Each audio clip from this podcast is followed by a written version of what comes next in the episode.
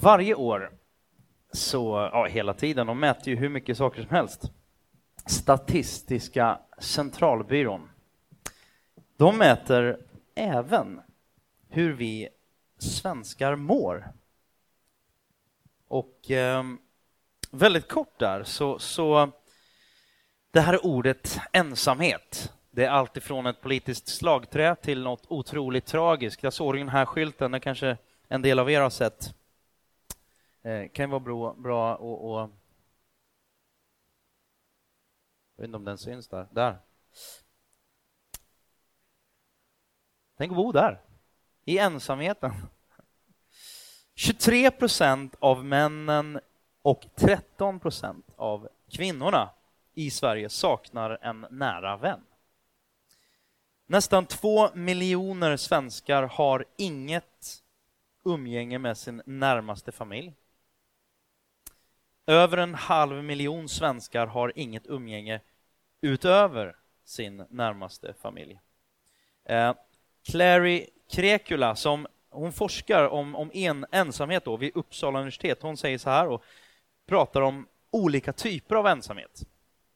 Hon säger så här, eh, att det finns eh, fyra olika typer av ensamhet. En positiv och tre negativa former av eh, ensamhet. Positiv ensamhet är att få vara i fred, att välja. Eh, eller kan, behöver inte vara att det är självvald, utan det kan vara, räcker med att man är ensam och i fred och därmed då tillfreds med sig själv och vara nöjd med sitt eget sällskap. Det är en positiv, även om den är påtvingad. Så länge man är tillfreds och nöjd med sitt eget sällskap så är det en positiv ensamhet. Negativ ensamhet då. Det här ordet utanförskap som är så, det är så tungt. Att, sen, att känna sig ensam trots att man är i grupp. Eller att man har för få vänner, att det är glest i telefonboken. Och det är den ensamhet som vi kanske oftast pratar om. Den typen av, av ensamhet. Idag ska vi prata om motsatsen. Vi ska prata om gemenskap och vänskap och relationer. Eh, följ med mig på skärmen, Apostlagärningarna kapitel 2, vers 41 till 47. De som tog, sig, tog till sig hans ord, alltså var Petrus, aposteln Petrus, som predikade och eh, han stod på hustaken där och berättade om, om eh, evangeliet, de goda, de goda nyheterna om att Jesus har liksom upprättat vägen till Gud. Och de som tog till sig hans ord lät döpa sig och den dagen ökade de troendes antal med inemot 3000. Och de deltog troget i apostlarnas undervisning och den inbördes hjälpen, i brödbrytandet och bönerna. Alla människor bävade, många under och tecken gjordes genom apostlarna. De troende fortsatte att samlas och hade allting gemensamt. De sålde allt de ägde och hade och delade ut åt alla efter var och ens behov. De höll samman och möttes varje dag troget i templet och i hemmen bröt de brödet och höll måltid med varandra i jublande, uppriktig glädje. De prisade Gud och var omtyckta av allt folket, av hela folket och Herren lät var dag nya människor bli frälsta och förena sig med dem. Första punkten, sann gemenskap. Jag läser de här verserna 41-43 igen. De som tog till sig hans ord lät döpa sig och den dagen ökade de troendes antal med inemot 3000. Och de deltog troget, vid ett ord då, som vi ska återkomma till, i apostlarnas undervisning och den inbördes hjälpen i brödbrytandet och bönerna. Alla människor bävade. Eh, många under och tecken gjordes genom apostlarna. De troende fortsatte att samlas och hade allting gemensamt. Det här ordet gemensamt eh, det är eh, första gången faktiskt som, som det här ordet i grekiskan, det är, jag ska inte ta massa grekiska här, men, men i och med att ursprungstexten är på grekiska så kan det vara ganska bra ibland och så här, okej, okay, det här är ett grekiskt ord, vad betyder det? Grekiska ordet här för gemenskap är ordet koinonia. Kanske någon har hört talas om det innan. Sådär. Eh, vad är då koinonia? Vad är definitionen av koinonia? Man skulle kunna säga och översätta det med för det är svårt att bara, det, det är lite djupare än bara gemenskap. Vi har lite lattjo tillsammans. Det här är lite djupare än så. Intim delaktighet. Enhet. Bidragande, alltså bidragande enhet, man bidrar till varandra. Förenande, eller förenade. Och djup, sann gemenskap. Det går att beskriva på en massa andra sätt. Men, men jag tror vi förstår grejen. Och, och det här är första gången som det nämns faktiskt Nya Testamentet. Och det kan man ju då se då och dra paralleller kring. Det här är liksom det första, eh, det första som händer efter att på ett sätt hela det här som Bibeln handlar om, att Jesus Kristus han kommer som ett barn och flyttar in i kvarteret. Gud flyttar in i kvarteret där vi bor, och vi pratade en del om. Ehm, och, och om jag refererar till lite tidigare undervisning så finns, finns all undervisning vi tidigare har, har, har eh, gett här finns på vår hemsida, så du kan lyssna och tillgodogöra den eh, den, den vägen. Men Jesus, han har inte bara fötts, Gud har kommit ner, utan han har levt sitt liv och dör för våra synder, som, som och, och återetablerar den här relationen med Gud. Och det är det som är liksom evangeliet. Och precis när det här har skett och lärjungarna är livrädda, vad händer nu med oss? Och Jesus är död och så uppstår han och de, de är helt förvirrade till en början, men sen helt plötsligt så händer det grejer och eh, de inser att det är kraft i det här och det här är på riktigt. Och eh, det här är liksom en direkt följd av att, ja, men som vi säger, då, Guds ande, för Jesus Kristus är inte på, på liksom fysiskt här, men hans ande. Det kanske låter lite flummigt, vi kommer komma åter till det vid något annat tillfälle. Men, men i alla fall så säger Bibeln att Gud är faktiskt, han är faktiskt närvarande på jorden idag genom sin ande. Och vad hade de då gemensamt? Vad var det som de samlades kring? Ja, det var inte bara program och det var inte bara grejer sådär, men det var några saker som de hade gemensamt. Och det var ordet, läran och undervisning.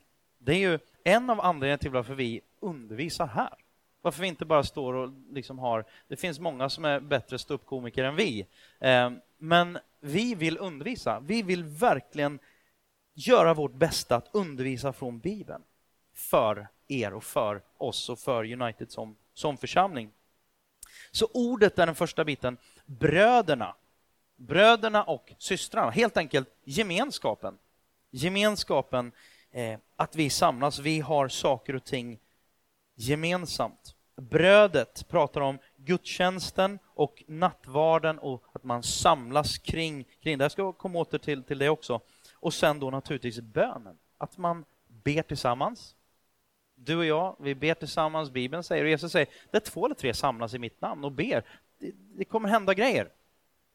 Och dessutom kan man be, man kan be tillsammans, men man kan också be för varandra. Det tänkte jag att vi skulle avsluta eh, här i gudstjänsten idag med de som känner för när vi splittrar oss åt olika håll så kan man stanna kvar, men jag återkommer till det också.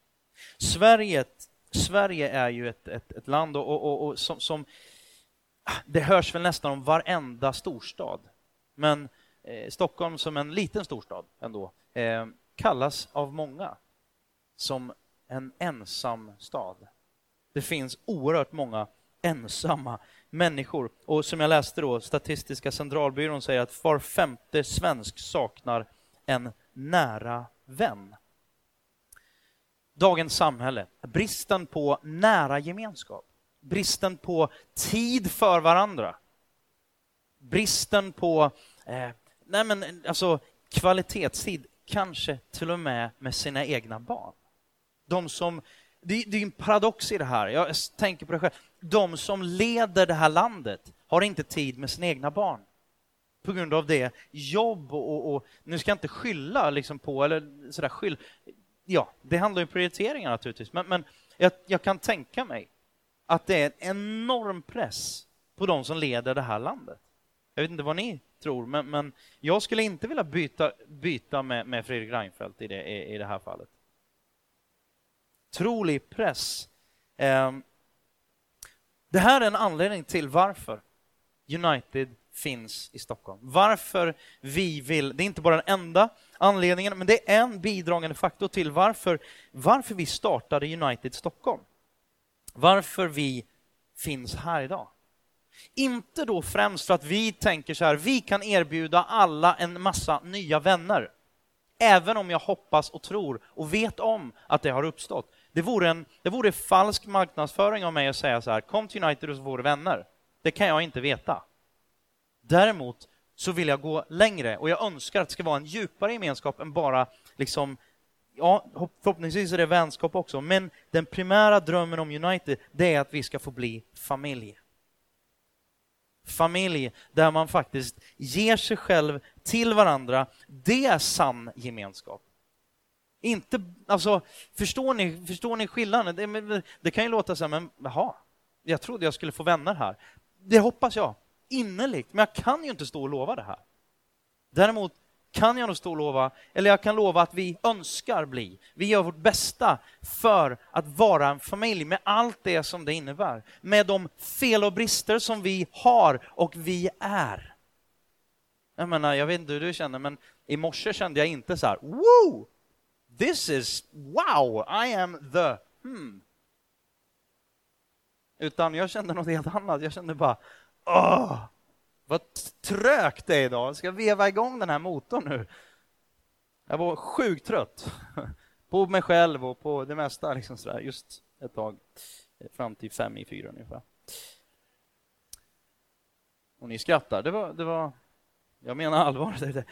Nej men grejen är att vi vill att det här ska vara, önskar att det här ska vara family, familj en, en, en sann gemenskap som inte bara, ja men du och jag spelar ju hockey, eller du och jag spelar ju golf, eller du och jag, vi, vi, vi röstar ju på samma politiska parti och, och så kan vi stå armkrok och sjunga kumbaya.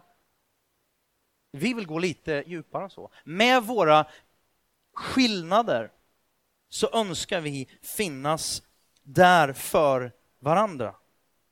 En enhet som gör oss till ett. Ett folk, bröder, systrar en uppfyllelse av Jesu ord, inget mindre än uppfyllelse av Jesu ord som bör vara kännetecknet för hans lärjungar, alltså hans efterföljare, hans kyrka. Johannes evangeliet 13, 34-35 säger han så här, så som jag har älskat er ska ni också älska varandra. Om ni har kärlek till varandra ska alla förstå att ni är mina lärjungar. Puff. Jobbigt. Jag, jag är liksom... Alltså, vem vill inte vara mer kärleksfull? Det, det är liksom, jag, jag inser det. Jag, liksom, du kanske till och med, åh vad jobbigt, nu kommer vi hit igen och känner prestationsångest och så vidare. Vi kommer till det eh, också, men, men, men det handlar ju inte om prestation, men att låta någonstans andra värderingar, andra saker ta över, inte jag och mig och mitt vara i centrum jämt, utan någonting annat. Nummer två, the United Lifestyle. Eh, vad är det här?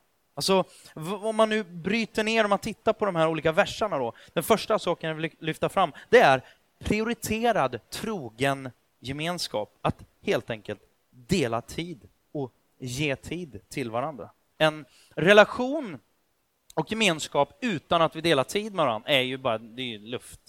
Det är ju inte på riktigt. Eh, om vi tittar på de här verserna vi läste då, i vers 42, då står det de deltog troget Vers 44. De, de troende fortsatte samlas. Kontinuitet. Nummer 40, eller vers 46. De höll samman och möttes varje dag troget. Kommer det där ordet igen? Troget. Alltså de här orden, vet inte jag om de är mest eh, sådär, är de så jättepopulära i vårt samhälle idag? Trogen, så här, kontinuitet, att, att verkligen investera sitt liv i andra. Eh, det här stycket handlar inte så mycket om ja, men alla som kände hela tiden att de tjänade på det här, de var kvar. Det, på något sätt så är inte det fokuset. Jag vet inte vad du tycker, men det är inte min värld i alla fall.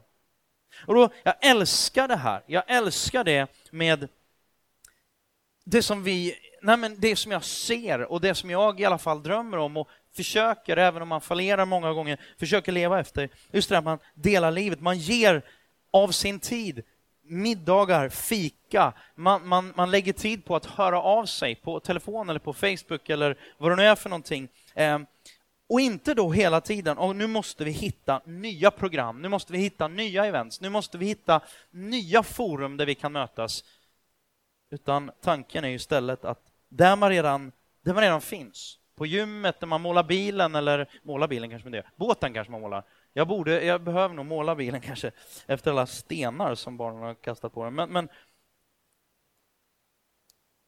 Ja, stenskott. eh,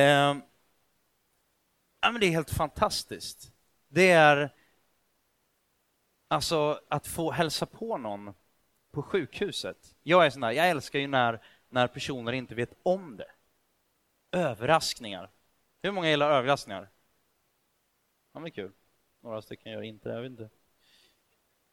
Det är okej. Okay. Men det är väldigt kul och spännande. Jag tycker också det är väldigt roligt med överraskningar. Nudge, nudge. Ehm, ett annat sätt och ett forum för att vi behöver hjälp till att, att verkligen ja, men prioritera kontinuitet, det är vad vi kallar för connects. Det är när vi möts i mindre units, inte bara stora, den stora gudstjänsten, utan mindre grupper, än fyra, fem, tio personer i vardagen, där vi kommer lite närmare varandra, vi får diskutera, vi får bryta, vända, vända upp och ner på, på ja, de frågeställningar kanske som, som vi har och man får tid att diskutera predikan från den senaste söndagen eller allmänna frågor eller kanske specifika frågor som har med mig att göra. Man får tid att be tillsammans och be för varandra. Viktiga bitar. Men det handlar också om att våga, våga involvera andra i ditt liv. Jag menar, hur länge sedan var det som du bad någon eller kollade med någon? Det är också så här, vi bor ju i Sverige för all sina dagar och vi, vi, vi liksom är ju lite, vi är ganska noga med att vi inte ska vara någon till last. Men det gör ju att i slutändan så då ber vi ingen, utan vi, vi gör det hellre själva. Jag skulle kunna be någon om hjälp, men jag gör det själv för att jag vill inte vara någon till last.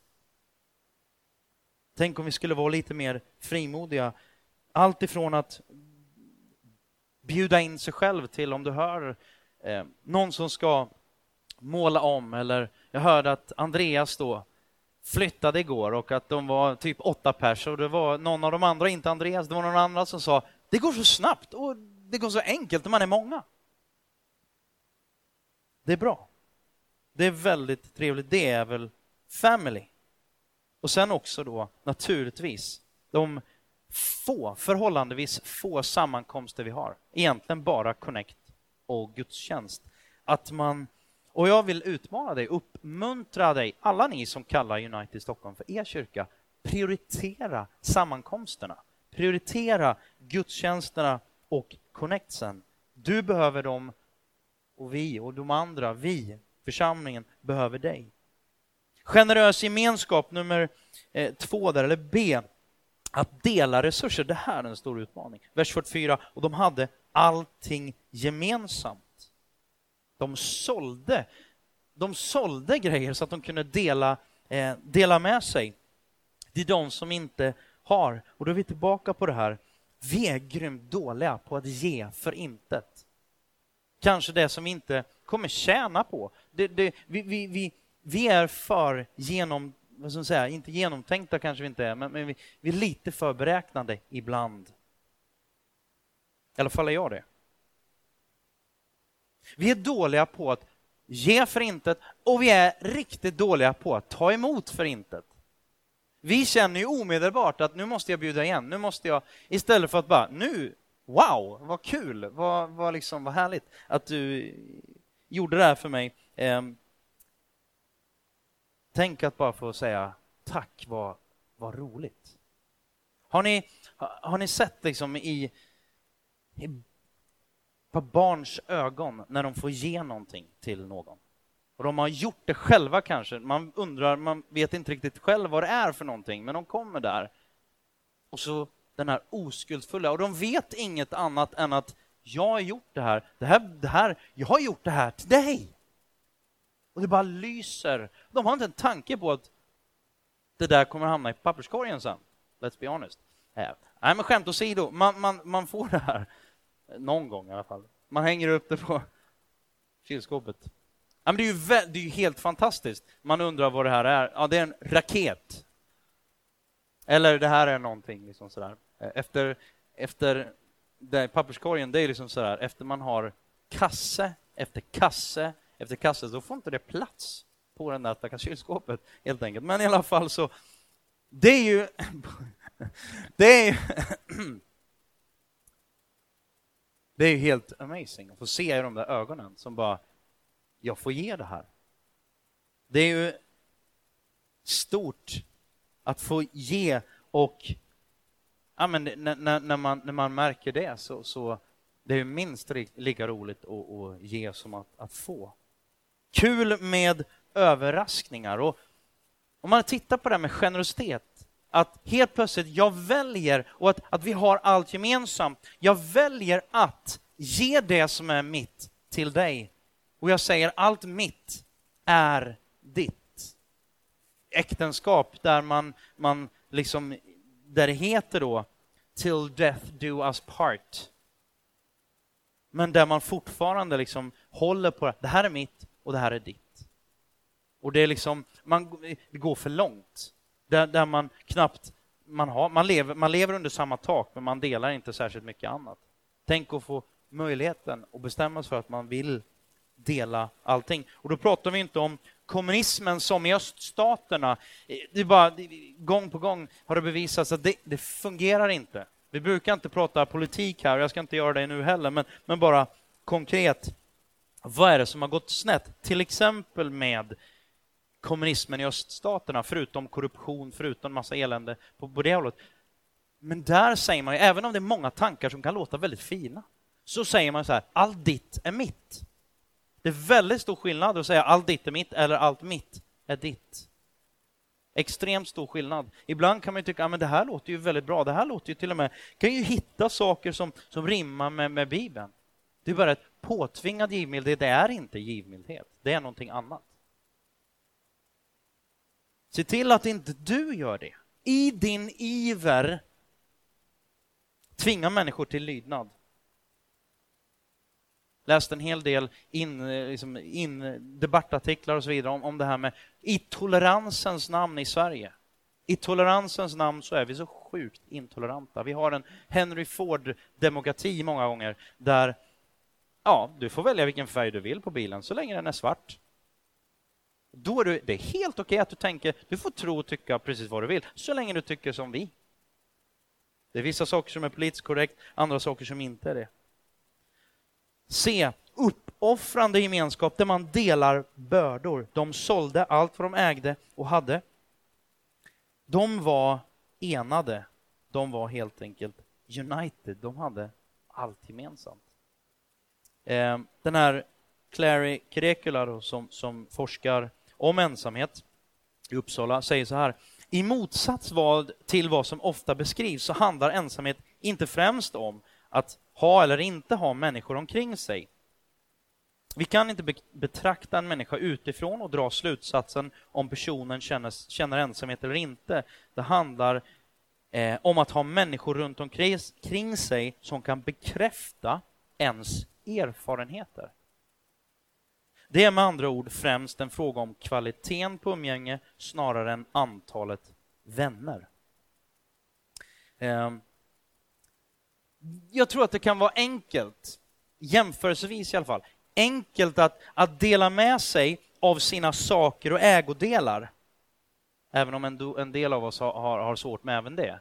Men det, jag skulle våga säga att det är enklare att dela med sig av sina fysiska ägodelar än kanske att börja dela med sig av det som verkligen betyder någonting, våra känslor när vi mår dåligt. Ja, men vad ska de tänka? Vad ska de tycka? De, de kommer ju tro att jag är tokig. De kommer ju tycka och tänka och hit och dit och fram och tillbaka. Vi delar kanske inte de här sakerna som verkligen står oss nära. När saker och ting går bra eller dåligt i vårt äktenskap. När saker är bra eller dåligt med vår ekonomi. När vi har personliga utmaningar, och hemligheter som vi vet att vi egentligen behöver hjälp med. De hade allting gemensamt. Och då är det lätt att tänka, ja men det är ju prylar och grejer. Jag skulle säga att det är lätt att ha gemensamt, en, liksom en gaffel och ett glas och en bil. Men att verkligen ha gemensamt och dela de utmaningar och prövningar som vi går igenom. that's another level. Och det följer väl ganska bra på då det omsorgsfull gemenskap, att dela lidanden. De delade ut åt alla efter var och ens behov. Min pappa berättade, vi var hemma i, i jag träffade honom för en vecka sedan, och min pappa har haft cancer. Eh, och det var en hel del år sedan nu som, som eh, ja, han har inte fått kämpa med det, men han, han, han kämpade med det under fyra, fyra och ett halvt år och det var, det var riktigt eländigt, speciellt då ett tag 2001 och det var väldigt osannolikt att han skulle, skulle överleva det där han gick igenom då. Vid ett tillfälle så träffar han en, en, en gemenskap helt enkelt eh, av, av andra troende. Och då blev det tillfälle till just det vi ska göra i slutet av, av gudstjänsten, här, att man fick be för varandra. Och då liksom signalerade pappa då att, att ja, men jag, jag känner mig rätt eh, ensam i min kamp. Be gärna för mig. Han är norrlänning, han säger inte särskilt mycket och att det var en stor grej. liksom. Um, och då berättade han så här att det var personen som gick fram till honom, en person som han har känt under 20 år, gick fram till honom och bara kramade om honom och sa så här. Jag har, jag har inget att säga. Jag har inga ord. Och så var han tyst. Nu kan det vara för att min pappa är norrlänning, men, men det var bara kort och gott så att han bara, det. Och att han sen då bara tyst bad för mig, det var det var så mycket större än om man hade liksom försökt att checka till det och liksom bara, det här ska nog bli bra, det här ska nog ordna sig. För det var ingen som visste, eller rättare sagt läkarna, alla sa det här kommer inte att funka. Du har, du har, in, du har inte särskilt länge kvar. Och mitt i det där, våga vara ärlig. Och inte försöka att checka till allting, utan ta till sig det och vara ärlig, vara äkta, vara verklig. Vi tror på en Gud som är aktiv och levande idag. Och som, som gör saker och som... Ja, jag tror ju på, jag tror ju på det som inte bara är naturligt och vi kan förklara, utan menar, då, då skulle det inte funnits någon Gud. Och jag tror att det finns en Gud och därför tror jag också på det som är övernaturligt. För det blir väldigt naturligt. Men jag tror också att dela lidande. Jag tror också att, jag tror inte allting bara, allting blir happy clappy, bara liksom tro på Gud och woohoo, så blir allting Nej, den, den typen av, av kristendom hittar jag inte. Den typen av, av gemenskap hittar inte jag i Bibeln. Jag hittar en gemenskap som är, som är på riktigt. När det är tungt, vi får dela och, och, och man blir så man blir berörd, man, man, man, man, vet inte vad man ska säga kanske. Man, man, men det man kan göra är att man kan lyssna och man kan be och man kan finnas där. Och man kan vara närvarande. Det är viktigt. Och be till Gud när man inte själv vet vad man ska göra. Nästa punkt då, gudstjänst, gemenskapen, dela tron. Vers 46, de höll samman och möttes varje dag troget i templet. Återigen då, det här med connects och gudstjänster, jag känner jag nämnt det redan, men, men låt oss prioritera varandra på det sättet.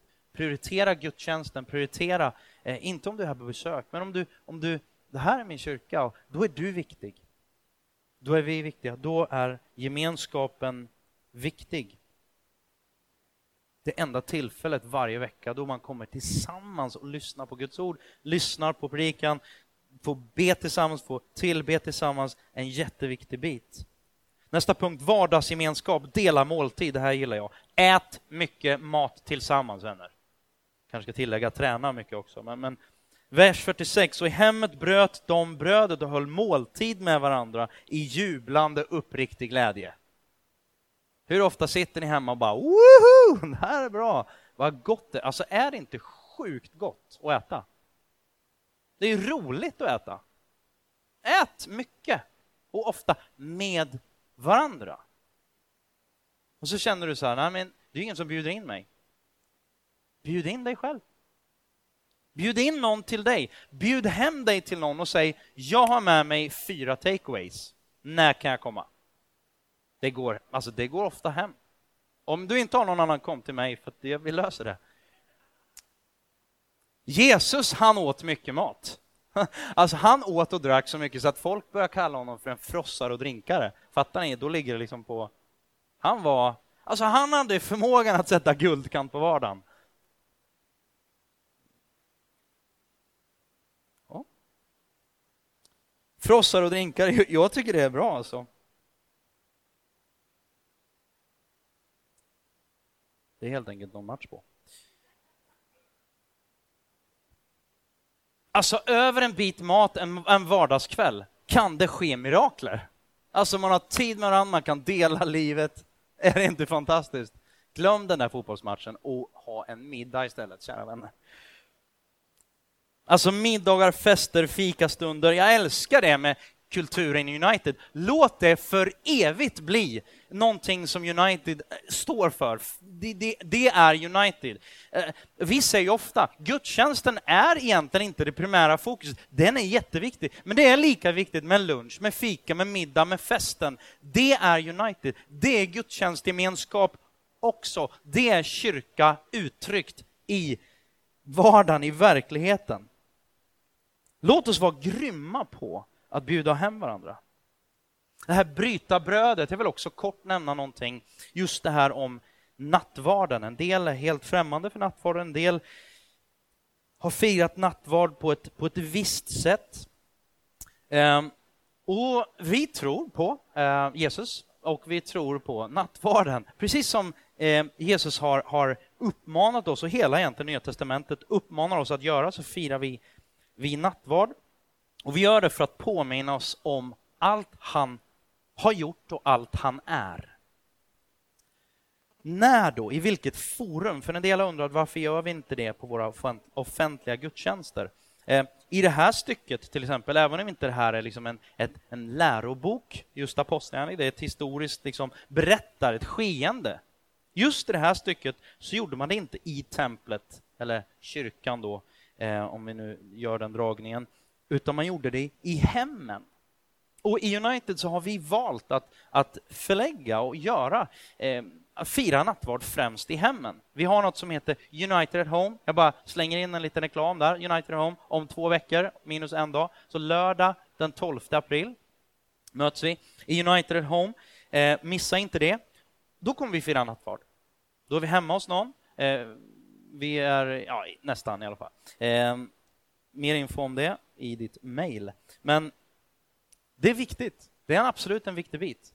Men våra gudstjänster eh, här, de är offentliga till för vem som helst. Eh, det är även United Home på ett sätt, men, men, men det handlar om att alla kanske inte känner sig eh, vana vid, eller det finns en massa, jag ska inte dra hela undervisningen kring just nattvarden, men jag vill bara kort säga, vi tycker den är viktig, men vi har valt att inte ha det på våra offentliga gudstjänster. Ehm, Nästa punkt, gemenskapens ordning. Det här vill jag ta lite grann om. Och det är vers 42 då. De deltog troget. 44 fortsatte samlas, hade allting gemensamt. 46 de höll samman och möttes varje dag. Hela tiden genom de här verserna så är det ett ord som kommer först. Det är, eller ord, det står för någonting. Det är tillsammans. Tillsammans kommer innan allting, det som följer. Det viktigaste, det första är gemenskapen. Det viktigaste är vi har saker och ting tillsammans. I en värld av stora och opersonliga institutioner så har många gånger också kyrkan lyckats bli en stor och opersonlig institution snarare än just familj. Där gemenskapen kommer först. Kanske du har hört, och vi har pratat en del om historiskt sett, just om det här, ta det på engelska, men behave, believe, belong. Kyrkan har många gånger varit så här, ja, först måste du sköta dig, du måste vara på ett visst sätt, sen kan vi gå med på att du tror. Och sen när du gör det, då, kanske då, då får du vara med, då kanske du får belong. Vi vill vända på det där och jag tror att Bibeln har vänt på det där redan från början. Det första är belong. Det första är du får tillhöra. Du är del av gemenskapen. Det är upp till dig på ett sätt. Det här är familjen. Välkommen in. Sen så får vi se Tror du eller tror du inte? Och efter det, om du nu, om du nu väljer att göra det, så kommer det också att, att liksom, förmodligen förhoppningsvis, så börjar du leva som du lär då. Och leva ut efter dina egna värderingar och din egen tro. Vi tror på en generös gemenskap. Vi tror på eh, att gå ifrån press till process. Vi tror inte på att ja, vi pressar folk in och beter sig på ett visst sätt, för det är det viktigaste. Det viktigaste för oss det är att man är på väg åt ett positivt håll. Inte bara positivt håll i någon flummig, utan vi tänker att den här gudstjänstgemenskapen, den här kyrkliga gemenskapen, den här eh, ja, United-gemenskapen, vår dröm är att det ska bidra till en ökad kvalitet i livet för dig, i relationen med Gud, med dig själv, med andra människor. Det är vår dröm, det är vårt tänk och det är vårt mål. Jag stod och pratade med en kille som heter Leo Razak för ett par veckor sedan. Jag vet inte, en del av er känner till honom, en av Sveriges idag mest anlitade ja, föredragshållare och blev indragen, nu han väl, det var kanske tio år sedan, han in, blev indragen som 20-åring i att medla mellan politiker och, och eh, det här med ja, liksom hedersrelaterat våld, helt enkelt. Eh, någon av er kanske har hört, hört honom vid något tillfälle, han var sommarpratare i somras. Ehm, men han höll en, en, en, föreläsning och efter det så stod jag och pratade med honom lite grann. Och, och eh, han berättade bland annat om Anders Karlberg som tyvärr dog förra året och som startade Fryshuset. Och, ehm, ja, de flesta av er känner till honom i alla fall. Och hur oerhört spänt det blev när Anders Karlberg, som alltid står på de svaga sida och som, som liksom var känd för det, helt plötsligt så bjuder han in, inte bara de här nysvenskarna och, och andra generationens så kallade invandrare, när han bjuder in de här unga grabbarna och tjejerna eh, till Fryshuset, samtidigt som han gör det så bjuder han in ett nazistgäng. Och folket, det här var ju några år sedan, löpsedlar, eh, löpseglar, löpsedlar på löpsedlar bara, Anders Karlberg har gått och blivit nazist, ba, ba, ba, ba, en massa, han fick, alltså han fick ta så mycket skit. Och vad han än sa, det hjälpte liksom inte, ingenting hjälpte. Och nu vet jag att det här kommer ta en liten stund, men är ni okej okay med att jag läser en artikel som han skrev? Är det okej? Okay? Eh, orkar ni det? 2001 då, den 5 juni, så skriver eh, Anders Karlberg det här. Eller publiceras det här på Aftonbladet. Först nu berättas i massmedia hela sanningen om den 16-åriga skinnskallen i Klippan som dödade Gerard Gebeo för snart sex år sedan. Inte ens Birgitta Albons prisbelönta artiklar om Klippan i Dagens Nyheter fann den verklighet eh, i den fanns den verklighet som borde berättats. Skinnskallen Pierre Ljunggren, som var son till Keith Sederholm. Keith lämnade fängelset 1984 efter seger i Högsta domstolen. Han fick 750 000 kronor i skadestånd. För pengarna köpte han ett hus i Klippan samt ett större parti amfetamin, vilket ledde till ytterligare fängelsestraff. 1997 läste jag i Aftonbladet att han hade fått åtta år för innehavet av ett stort parti kokain. I en radiopredikan i hösten 97, i Aktuellt på, samt, eh, på tv samt i hundratals föreläsningar har jag berättat den djupare sanningen om det sociala arvet som i Pierre Ljunggrens fall utvecklades till en tragedi för både honom och hans omgivning. Men massmedia som normalt avslöjar mer eller mindre viktiga sammanhang var inte intresserade. Samma söndag som jag höll min radiopredikan berättade löpsedlarna att Ingvar Oldsberg åkt för fort på Ölandsbron. Min slutsats var förklaringar om, Eh, att för, eh, förklaringar om sociala sammanhang inte var intressanta. Demoniserade odjur verkade sälja bättre, särskilt om de skaffat eh, sig så vidriga åsikter som nazismens. Detsamma ser vi nu efter dokumentären om morden i, i Alexander. Om massmedia intresserat sig för förövarnas bakgrund skulle man få tillgång till ett material som gett en djupare insikt i varför människor drivs till dessa fruktansvärda handlingar. Bakgrundsförklaringar är inte detsamma som försvar eller ens förståelse. Våra omedelbara sympatier är självklart på de drabbades sida, men människan har fått förmåga att fånga verkligheten i mera mångfacetterade bilder än svart och vitt. när vi inte ens orkar se ondskans orsaker, finns en benägenhet att vi i vår rädsla och avsky uppträder med samma metoder. Massmedia har befrämjat detta tänkesätt. Den demokratiska humanismen har inte fått råda. Jonas Hållén och Karl Olof Arnstberg fick uppdrag av Exit och Fryshuset och Skandia att göra djupintervjuer med 15 unga före detta nazister i skriften då, Smaka känga. Målet var att ta reda på varför de blivit nazister och vad som fick dem att senare hoppa av. Till deras förvåning möter de utan undantag begåvade och känsliga personer. Samtliga har av olika skäl hamnat utanför. Deras sociala bakgrund har haft betydelse, men andra faktorer har varit lika viktiga. De flesta har varit mobbade under flera år. Ingen i deras omgivning har reagerat att söka sig till extrema gäng, i deras fall högerextrema, våldsbenägna grupperingar där de för första gången varit välkomna har upplevts som en revansch. Att gå från mobboffer till fruktad slagskämpe. Jag kan fortsätta att läsa. Det är bara det att alltså, man blir... Eh, är det okej? Okay? Kan jag läsa tre minuter till? Frågan är inte varför det demokratiska samhället gav dem deras berättigade upprättelse. I Pierre Ljunggrens fall fanns det sociala arvet, känslan av utanförskap och otillräcklighet. Enligt Aftonbladet var han till och med utpekad av en lärare som sonen till en mördare. I Sverige fanns, finns runt 300 000 barn till missbrukare. Med några få undantag får dessa barn ingen hjälp i vårt samhälle. Ann-Britt Grünewald har berättat att samtliga fångar hon stött på i sitt arbete finns det ingen som under sin uppväxttid har haft en nära relation till en vuxen man. Ofta har det också funnits missbruk i, i familjen.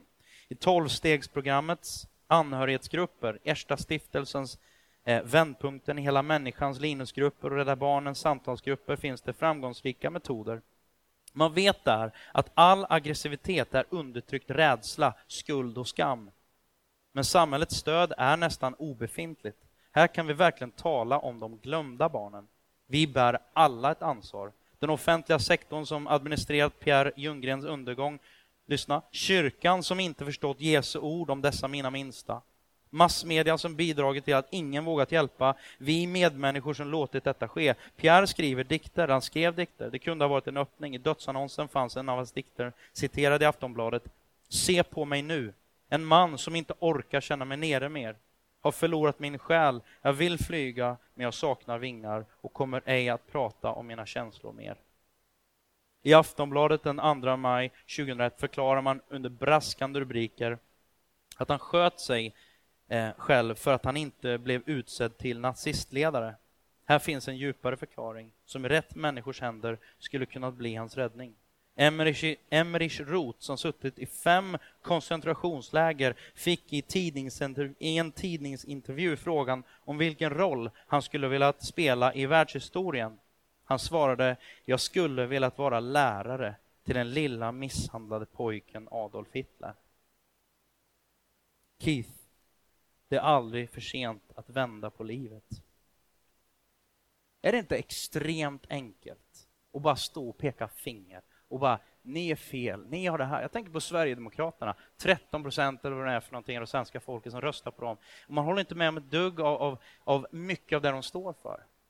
Men är det rätt att stå och peka finger i ett demokratiskt samhälle där vi kallar oss själva toleranta? Vad är det för, vad är det för elände vi bygger i det här landet? Jag vill vara med och jag önskar att den här församlingen ska vara med. Så liten den är, jag inser att vi är oerhört små, obetydliga i mångas ögon. Men jag önskar att vi ska få finnas med och, och, och, förändra den här staden. För jag tror inte att den är på väg åt rätt håll utan församlingen. Jag är så naiv, jag tror att församlingen har en roll. Att vi ska få vara med och, och, och hjälpa den här stan till någonting, till en bättre och mer dräglig plats.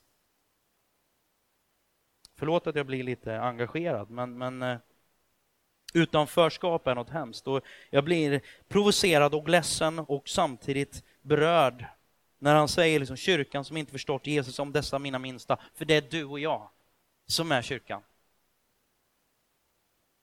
Och då tänker du så här, ja, men då säljer vi, vi säger upp oss allihop och börjar jobba på Fryshuset. Det kan ju vara en, en, en idé i, i och för sig, men, men var ska vi börja? Jo, du ska börja där du är just nu. Vad kan du göra för skillnad just nu? Vad har du för människor runt omkring dig på jobbet eller de du inte ser som egentligen finns omkring dig?